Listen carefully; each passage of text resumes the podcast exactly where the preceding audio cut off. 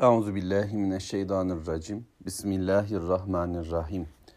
Elhamdülillahi rabbil alamin. Allahumme salli ala Muhammed. Eşhedü en la ilahe illallah ve eşhedü enne Muhammeden abduhu ve resulü.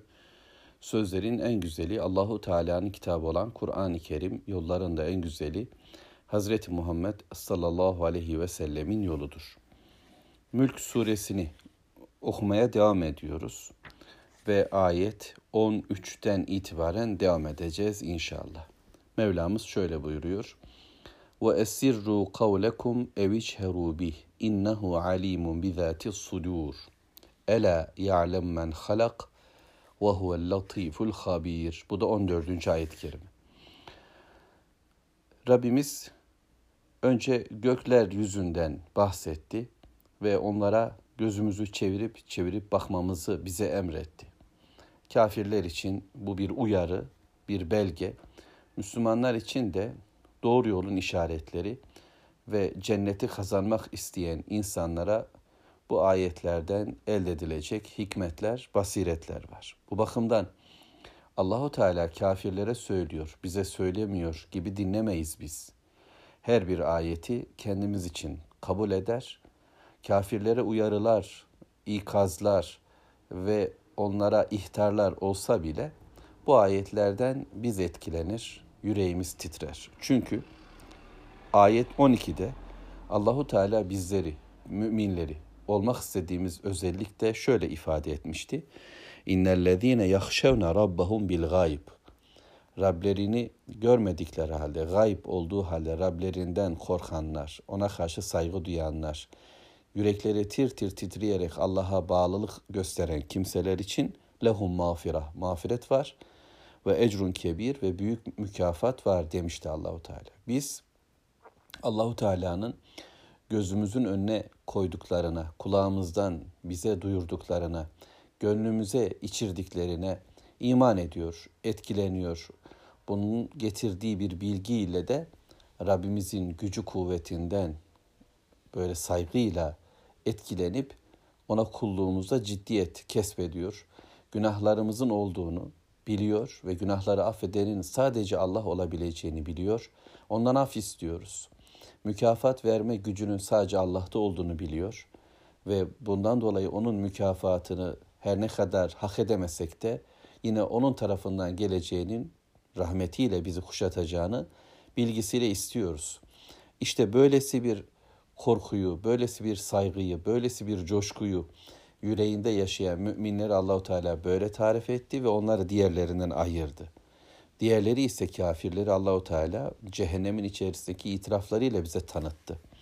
Bundan sonra Mevlamız diyor ki: "Ve esirru kavlekum ev bi." İster sözünüzü gizleyin, ister açıkça ifade edin. Allah için bir fark ediş olmayacaktır. İnnehu alimun bizati sudur. Öyledir ki o Allah göğüslerin içinde olan her bir şeyi bilir. Göğsün içerisinde yürek, kalp var ve Allahu Teala kalplerdeki niyetleri bilir. Nefsin isteklerini, arzularını bilir. İnsanların yönelişlerini bilir. Ne adına, niçin, kim dedi diye ne yaptığımızın bilgisindedir Allahu Teala. Öyle olunca ister açık açık söyleyelim, net ifadelerle ortaya koyalım, deklare edelim ama gizli gizli iç dünyamızda tutalım. Söyleyemeyelim, ifade edemeyelim ama çekinelim. Ne varsa bizde olan açık ya da gizli onu bilmektedir. Ya kafirlerin şu itiraflarını dünyada yapmayıp da ahiret, ahirette yapacak oldukları e, itirafları da sözlerini de bilir, gizledikleri durumları da bilir. Müminlerin iç dünyalarındaki yakarışlarını da ağızlarından dökülen cümleleri de Allahu Teala bilmektedir. Dünya da Allah'ın bilgisindedir. Ahiret de Allahu Teala'nın bilgisindedir. Gizli diye bir şey ancak insan için gizli, açık diye bir şey ancak insan için açık olandır. Allah için böylesi bir şey söz konusu değildir. Buradan şunu da anlayacağız ki yürekler Allah'ın elindedir ve amellerin kıblesi bir bakıma yüreklerde tayin edilir. Bu bakımdan niyetleri güzelleştirmemiz lazım. Sözü iyileştirmek önemli. Kelimeler güzel olmalı. Ağzımızdan çıkanlar hoş olmalı. e, kötü kelimeleri kapatmalı, niyetleri tutmalıyız, zanlarımızdan sakınmalıyız. Allahu Teala'nın hepsini bildiğinin farkında olarak ama yüreği de temizlemeye, kalbi de dezenfekte etmeye çabalayacağız. Ağzımız güzel olacak, söyleyişimiz hoş olacak ama kalpler de düzenlenecek. Hem bilmez mi Allah? Ayet 14. Ela ya'lem men halak. O Allah ki yaradandır. Yaradan hiç bilmez mi? Yarattığını, ne olduğunu, ne yaptığını, ne ettiğini, neler düşündüğünü. Allah yaratıcıdır. Her şeyi yaratmıştır. Varları var eden odur. Ve yoğu da var eden odur. Ölüm ve hayat Allah'ın elinde değil mi? Dolayısıyla ölümü ve hayatı var eden o ki bizi imtihan için var etti. İmanımızı, iç dünyamızda oluşan bilgileri ama dış dünyada ortaya koyduğumuz ameli, eylemi, sözü bilir. Çünkü bilmek onun özelliğidir. Yüreklerin özünü bilen Allah aynı zamanda o huvel latiful habir olandır. Latiftir. Yani Allahu Teala'nın bu özelliği lütufkar olması anlamına da geliyor. Lütfediyor Mevlamız. Çokça veriyor. İsteyene istediği kadar, istemeyi bilmeyene de yine ihtiyacını bilerek vermektedir. Lütfeder, lütfunun bir özelliği de bilmesidir. Yani insanlar birbirlerine iyilik yapmaları ancak birbirlerine belki beyanları ve anlama güçleri kadardır.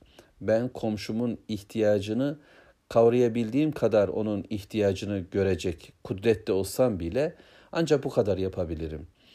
Mevla insanların kendilerinin bile tayin edemediği şeyleri bilir.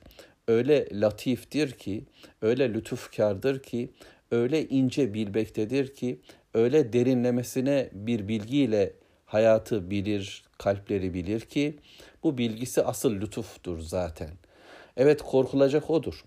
Tir tir titrenilecek odur. Bu bilgilerden dolayı aman Allah'ım diyeceğimiz senden hiçbir şeye saklanamaz deyip kaçamayacağımız odur. Ama kimseye itiraf edemesek de, kimseye söyleyemesek de, kimseyi bilgilendiremesek de, hatta kendi kendimize bile anlayamasak da bizi bizden daha iyi bilen bizim yaratıcımızdır. İnsan kendine iyi bakmak durumunda değildir. Hani birileri öyle diyor, kendine bak, iyi bak filan diyorlar. Ben bana nasıl bakayım? Ben beni nereden bileyim? Beni bilen benden daha iyi bilen beni yaradandır. Bana tüm özellikleri, güzellikleri verendir. Ben bunları bilemem de, yapamam da, yaradamam da. Ama Rabbim bilmektedir ve bu bilgisi karşısında ancak şükür düşecektir bize. Onun istediği gibi bir hayat düşecektir. Habirdir Allah. Her şeyden de haberdardır. Bütün olayları bilmektedir, olacakları bilmektedir. Zaten var eden odur kaderi takdir eden odur, olacakları oluşturan odur. Ve Allah habir olma özelliğiyle haberdardır tüm eylemlerden, tüm yapılanlardan, kötülerin kötülüklerinden, iyilerin iyiliklerinde, kötülerin iyilere yaptığı zalimlikten, zulümden, şirkten ve isyandan, eziyetten, ezmeden haberdardır Allah. Habersiz değildir kullarının çektiklerinden, çilelerden haberdardır ama imtihan etmektedir. Çünkü bunu da açıkça surenin başına söylemiştir. Ve aynı zamanda Allah habir olduğu gibi, haberdar olduğu gibi haber veren de odur. Haberleri ondan almak gerekir.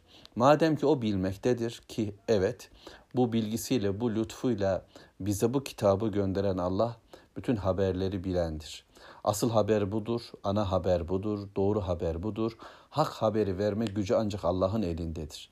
Öyleyse müminler haberi ondan alacak, haberdar olacak, habir olan Allahu Teala'ya kulak verecek, sözü ondan dinleyecek, hayatı onun istediği gibi yaşayacak. Böylece doğru bir hayatı sürdürme imkanı bulacaktır inşallah. Velhamdülillahi Rabbil Alemin.